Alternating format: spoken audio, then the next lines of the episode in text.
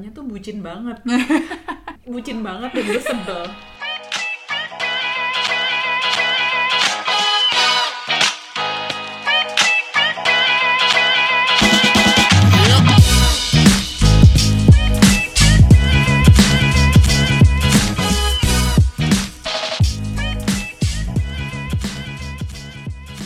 Hai, halo, gue Ana Margi. Eh, gue Dita Kita lagi ada di podcast nonton lakon. hari Hore Oke Iya, ini iya. podcast pertama kita soalnya jadi gue Iya. agak lebih excited Nah, ini pilot episode kita. Kita berencana bikin podcast ngobrol-ngobrol seru aja soal film atau TV show atau Netflix atau mungkin nantinya ada hook. Gue juga nggak tahu. Iya, Pokoknya berkaitan dengan apa pun yang ya apa pun yang bisa kita tonton dan kita ngerasa kita pengen obrolin, kita akan obrolin di sini. Atau kalau ngelihat orang berantem di tengah jalan kita bikinin podcast juga bisa, boleh bisa. Oke, kali ini kita mau non eh kok mau nonton sih kita mau ngobrolin eh, Netflix show yang bulan Februari kemarin tayang Eh, judulnya di Umbrella Academy. Kenapa sih kita nonton ini? Karena Gerard Way. Kenapa lagi? Karena kita dulu sejatinya adalah Anak anak-anak imo. imo yang sekarang sudah pensiun dan berhijab. Assalamualaikum. Waalaikumsalam subhanallah.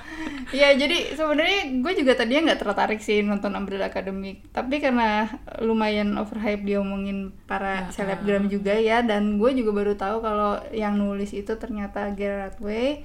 Ya udah, gue coba tonton lah. Dan gue beneran baru tahu loh kalau Gerard Way nulis komik. Mungkin karena dulu dia sering nulis lagu kali ya. ya Iya sih? poetikal gitu Ah, yang ah, gue juga jadi- nggak ngerti deh.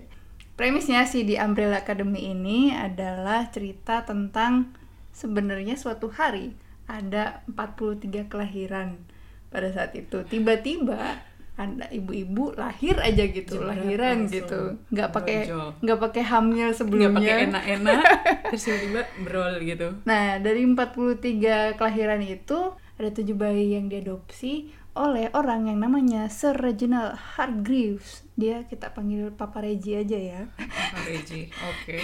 Papa Reggie. Nah, si Papa Reggie ini emang kayaknya nggak tahu sih niatnya apa. Cuma dia udah ngerasain sense bahwa 43 anak itu eh, sebenarnya punya kekuatan walaupun yang diambil tujuh doang ya gitu. Eh, punya kekuatan yang berbeda dari yang lain anak-anak lain lah. Nah, singkat cerita pengen dididik menjadi superhero something gitu kan. Gue pikir ini orang kebanyakan duit mau bikin apa ya tapi Saking eh, banyak saking duit. banyak duitnya waktu belum gue belum gue lihat eh, trailernya ini orang ngapain ya Em, nyomot nyomotin bayi sampai tujuh masukin oh ternyata dia punya rencana tersendiri Nah, lucunya anak-anak ini dikasih nomor. Jadi ada number one, number two, number three. Itu jadi kayak sebenarnya dia mereka punya nama sendiri dan namanya itu yang ngasih bukan dia sih, ceritanya ibunya, Ibunya. ibunya, yang ngasih nama. Jadi eh, ada satu anak yang sendiri yang beda ya. Number five, dia nggak punya nama kayaknya. Panggilannya five aja udah gitu. iya yang yang dia kabur itu kan iya Nah, kalau kalian udah nonton intinya pasti tau lah. Jadi eh, kita di sini nggak bakalan ngomongin non spoiler. Pasti udah ada spoiler semua lah gitu yang kita omongin di di podcast ini karena kita mau diskusiin si film ini sendiri buat kita.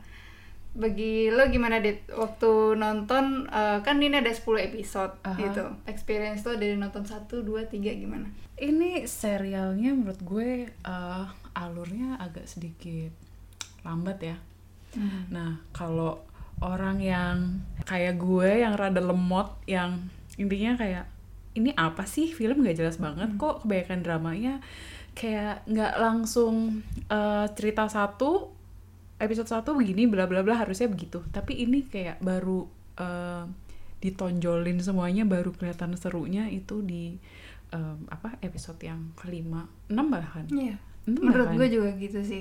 Gue eh, ham- hampir berhenti di dari episode 2 sampai 5 tuh bosen banget. Jadi Iya. kayak bosan pengen, banget pengen udahan gitu terserang sebelum gue nonton sampai akhir itu gue ngulang episode pertama itu tiga kali sampai akhirnya ah, oke demi Gerard Way gue Semua demi Gerard Way.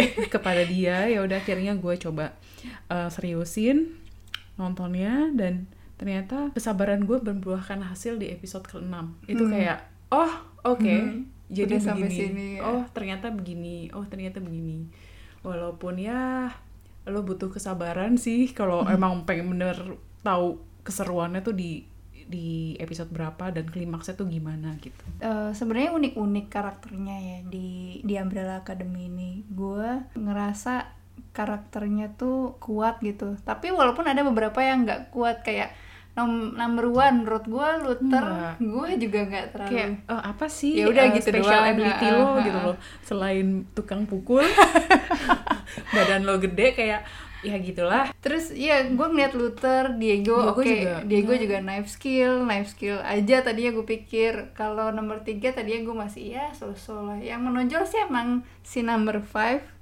dan number seven tapi di akhir. Menurut gue Itu menurut justru highlight highlight sepanjang serial orang kayak menantikan keputusan tuh di five. Jadi kayak five tuh justru punya skill kunci di antara semuanya gitu. Iya, ibarat uh, make up five adalah alis. itu adalah kunci. Jadi biarpun Luther itu adalah katanya pentolan, sebenarnya dia nggak ya kurang berperan sih Iya, sebagai seorang anak yang pertama. Dia terlalu banyak mengandalkan uh, si Five Hmm. dan Ya, emang udah ngerasa beban kali ya ditunjuk jadi nomor satu sampai gitu. akhirnya dipergi eh dipergihin diungsiin ke bulan sana ya kan? Nah itu kan juga masih masih jadi eh, misteri juga sih karena nggak ada jawabannya kan kalau dia di disuruh ke bulan itu. Tapi katanya kan buat uh, ini mohon maaf ya. Tapi iya kita kan jadi spoiler. Nggak apa-apa lah, sih udah ya. pasti spoiler, Eh, udah pasti jadi spoiler. kayak eh, dia diungsiin tuh karena mungkin eh, pengen tahu kali kayak kan bokapnya tuh random banget ya. Eh Ya udahlah ke bulan aja sana. iya, eh, mungkin mau uji kekuatannya dia gitu ya. Pengen tahu sejauh mana eh, waktu dia eh, disuntikin serum itu terus jadi badannya kayak King Kong gitu. Hmm. Terus eh, pengen tahu nih masa apa namanya daya tahannya sejauh mana ternyata cuman diempanin begitu doang udah hidup 4 tahun ya kan Iya, jadi banyak pertanyaan sebenarnya. Even dari dari kita yang belum baca komik, dari yang udah baca komik pun menurut gua beberapa kali gua cari tahu masih ada pertanyaan. Kayak kalau gua ya sebagai non reader dari komiknya, gue juga bertanya-tanya kenapa setelah si Pak Regi ini meninggal gitu. Kan semua orang jadi bertanya, kenapa sih meninggal? Kenapa ninggalin segitu banyak problem gitu kan Misteri di dan rahasia iya misteri disimpan. rahasia terus bagi pembacanya juga bahkan nggak dikasih tahu Ben itu matinya kenapa. Jadi di komik tuh nggak di nggak diekspos. Yang kita tahu adalah pas sebagai pembuka ya Ben mati, mati. gitu. Udah selesai gitu kan. Jadi dia dia kekuatannya kalau nggak salah dia bisa mengeluarkan gurita. dari badannya dan lebih cepat membunuh lah dengan cara itu. Cuma secara psikologis menurut gue hampir semuanya ngerasa tertekan dengan kekuatan yang Dia punya. mereka punya itu. Jadi oke lah kalau Diego nggak terlalu kelihatan. Kalau Luther kelihatannya karena dia leader aja. Dia leader terus di press jadi pressure punya harus punya ngelit yang anak-anak lain. Terus number four yang paling gue kasihan itu adalah si Klaus. Itu salah satu favorit kita juga ya si Klaus itu. Orang-orang eh, ngerasa kenapa sih ada ya ada ada temen gue personally nanya kenapa sih lo suka Klaus? Dia kan drug addict gitu tapi tapi gue juga suka close karena menurut gue hidupnya karena fashion ya? Karena fashion? Eh, anaknya eh, iya anak hipis banget. Terus hidupnya kayak slow banget go happy go Hmm. lucky terus kayak nggak diambil pusing walaupun sebenarnya dia tertekan juga ya. tertekan sih karena tapi ya udahlah. Di umurnya masih muda dia ditekan supaya harus bisa ngontrol kekuatannya. Dan dicaranya adalah disekap dengan orang mati. Gitu kan namanya anak kecil nggak tahu apa-apa gitu ngerasa depres juga. Dan akhirnya dia lari ke Drugs. drugs gitu. Jadi menurut gua eh, pilihan dia untuk jadi drug addict tuh masih wajar. Karena dia karena dia ngerasa dengan cara itu eh, kekuatannya bisa eh, dilupain lah sedikit. Jadi dia nggak terlalu tertekan gitu. Nggak, dan dia tuh kayak em, mungkin bosan kali ya berhubungan dengan makhluk gaib. Jadi ya udahlah mendingan gue ngefly aja gitu kan. Terus kalau yang lain sih menurut gue gue rada bete sama Vanya sih dari awal. Sem- semua bete sama Fanya sih. Jadi kayak eh, semua orang udah pasti nebak ya dari dari episode awal bahwa Fanya is not just the ordinary girl gitu. Udah pasti dia punya kekuatan yang lebih dari masalah eh, rata. iya dari yang lain gitu. Apalagi menjelang tengah. Ini karena karena si Five terus menerus ngomongin apokalips pasti orang udah pada nebak kan. Ngebuild bahwa si Vanya adalah pasti dia involved di dalam apokalips itu. Tadinya walaupun gue awal-awal nggak nggak terlalu nebak Vanya bakal involved sih. Gitu. Tapi sih feel gue udah mikir eh ini kayaknya Vanya itu punya kekuatan yang lebih dari saudara-saudaranya. Mhm.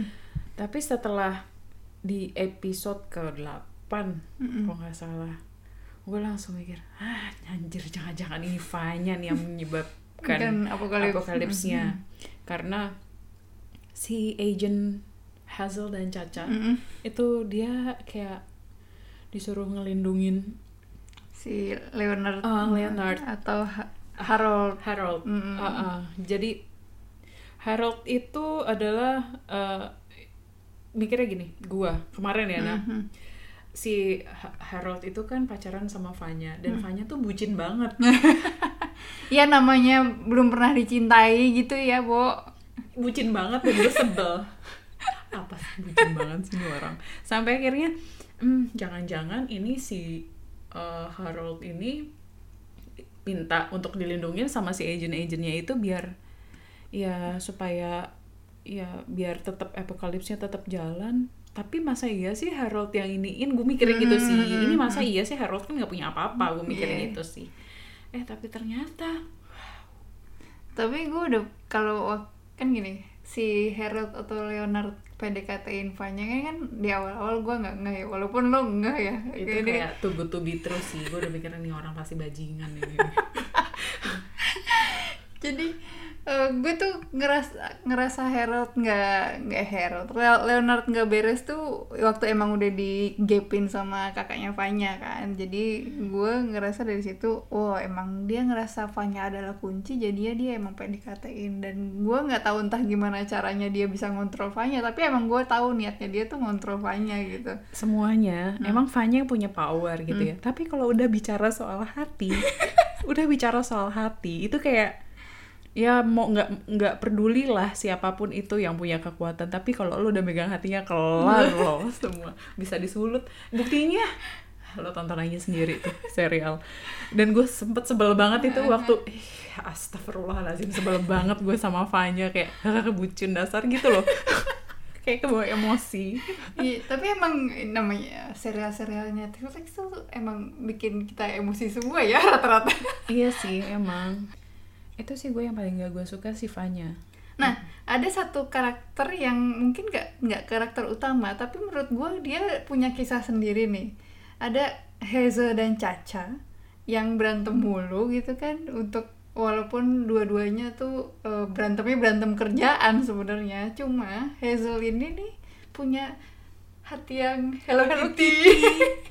hati yang Hello Kitty banget gitu. Jadi eh, menurut gua kisahnya Hazel ini lucu dan eh, jadi sorotan yang menarik karena akhirnya dia melunak kan dengan si Five. Jadi dia oke lah, gua males ngurusin hidup lu lagi gitu. Gua ngejar-ngejar Five lagi gue gitu. mau membangun kehidupan yang baru sama tante itu juga unexpected ya menurut gue dari awal walaupun walaupun uh, pertemuan mereka di donut shop itu sudah memberikan bumbu-bumbu cinta gue tidak menyangka Hazel akan memutuskan apa Untuk ya pensiun dini ya iya kan? untuk pensiun dini dengan cara seperti itu gitu. Apalagi dengan si commission ini.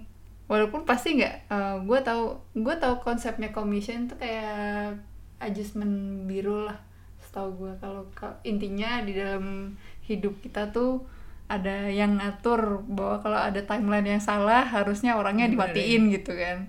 Orangnya dimatiin dan itu eh, konsepnya gue mengerti dan akhirnya orang-orang kayak gitu kan pasti nggak bisa bikin kesalahan termasuk Five yang dikejar-kejar itu kan. Mereka tuh kalau bikin kesalahan ya udah mati aja hukumannya gitu.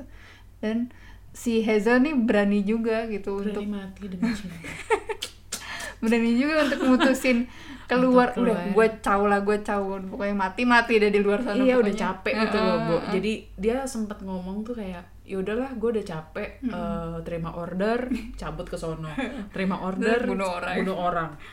Dan dia ngomong sama ceweknya kayak bahkan gue tuh nggak punya tempat untuk eh, Pulang. bahkan gue nggak punya tempat untuk pulang. Gue nggak punya kasur sendiri Mm-mm. gitu.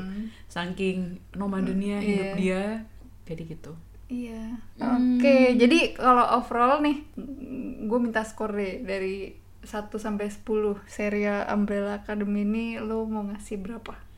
gue kalau langsung kasih angka gue belum bisa karena gini dari awal ini kan emang kayak apa flow-nya tuh lambat banget ya kan terus tapi ternyata karena meskipun lambat tapi gue nggak baca komik ya Hmm. Eh, meskipun lambat tapi eh, ini serial predictable sih sebenarnya predictable banget Mm-mm. dan gua ngasih skor untuk TV series ini adalah dari 1 sampai 10. Mm. Boleh koma-komaan, Hmm. tapi nggak jangan banyak desimalnya. Oke. 6,5. enam setengah. Ah, ah. Oke. Gue sih between itu ya, between enam setengah sampai 7 Hanya karena gu- gue pribadi walaupun gue nebak-nebak akhirnya gimana di episode 6 sampai 10 itu masih ada deg-degannya gitu. Jadi kayak masih apalagi kayak gue mendengar rumor-rumor tak gue takut buat cliffhanger gue takut banget gue takut banget di akhir tuh wah cliffhanger kurang ajar banget ya akhirnya gue pas nonton episode akhir bersyukur banget sih kalau itu nggak cliffhanger jadi gue nilainya gue tambahin Oke. jadi gue ngasih tujuh lah Oke, gini. Gitu. Kenapa gua kasih 6,5? Mhm. Karena menurut gua kayak terlalu banyak gini, lo memproduksi sebuah film which is itu cuma 10 episode dan 6 episodenya itu dibikin kentang. Hmm. Yang produktifnya itu yang Empat. 4. Nah. Menurut gue itu sampah. menurut gue itu sampah ya. Karena eh, harusnya dengan budget eh, karena bikin film eh, satu episode itu eh, TV series dengan satu episode itu menurut gue pasti butuh budget yang lumayan besar. Dan kalau itu dibuang-buang tuh kayak mau bazir banget sih lo harusnya bisa eh, di press lagi nggak usah sampai nggak usah Sepanjang terlalu itu. sepanjang itu. Cukup kayak eh, series lain ada yang sampai 8 ataupun cuma 6 Mhm. Menurut gue lebih efisien dibanding lebih pack gitu Ah, ya ah, dibanding yang lo harus panjang-panjang tapi ternyata yang bikin gregetnya itu cuma 4 ya episode. dengan drama-drama yang tidak perlu Mm-mm. kayak kayak pendetailan Luther dan Allison. Allison. Nah, menurut gue itu sebenarnya walaupun itu sweet, menurut gue tuh nggak perlu. Jadi eh, nggak terlalu menambah. Bukan inti dari masalahnya. Bu- nggak terlalu nambah eh, packnya gitu. Harusnya yang di detail yang dibahas tuntas tuh soal si siapa? Kena satu Ben kenapa mati. Mm-mm. Yang kedua eh si siapa tuh? Em, Luther jadi King Kong itu udah dijelasin. Terus eh yang miss adalah di sini soal si siapa? Bukan. Eh, Coba. Diego. Nah, Diego. Apa? Eh, kenapa Diego cuma itu aja skillnya? Hmm, ah, Terus sama Pogo. mm-mm. Apakah Pogo dulu memang dari manusia terus dia diinjek Iya. juga jadi King Kong, Iya. eh jadi monyet atau Gue juga eh, punya misperception sih sama Pogo. Jadi Iya. kayak kayak apa ya?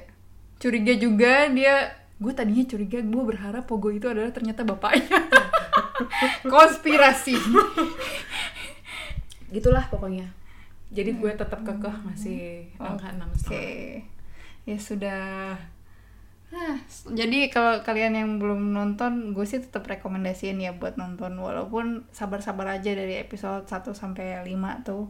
Ya, tahan-tahan aja. Gak usah diburu-buru. Nanti kalau mau buru-buru baru episode akhir-akhir. Tapi sih ya, menurut gue, Hmm. kenapa gue masih mau ngasih angka 6,5?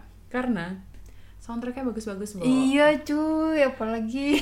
Soundtracknya bagus-bagus kok. Dan Iya kalau lo kangen sama My Chemical Romance, boleh lah ya lo harus nonton ini karena eh, si Vanya pun itu membangkitkan hasrat-hasrat imo imo lo eh, Vanya yang udah ini ya, Vanya yang udah bertransformasi. Iya, heeh.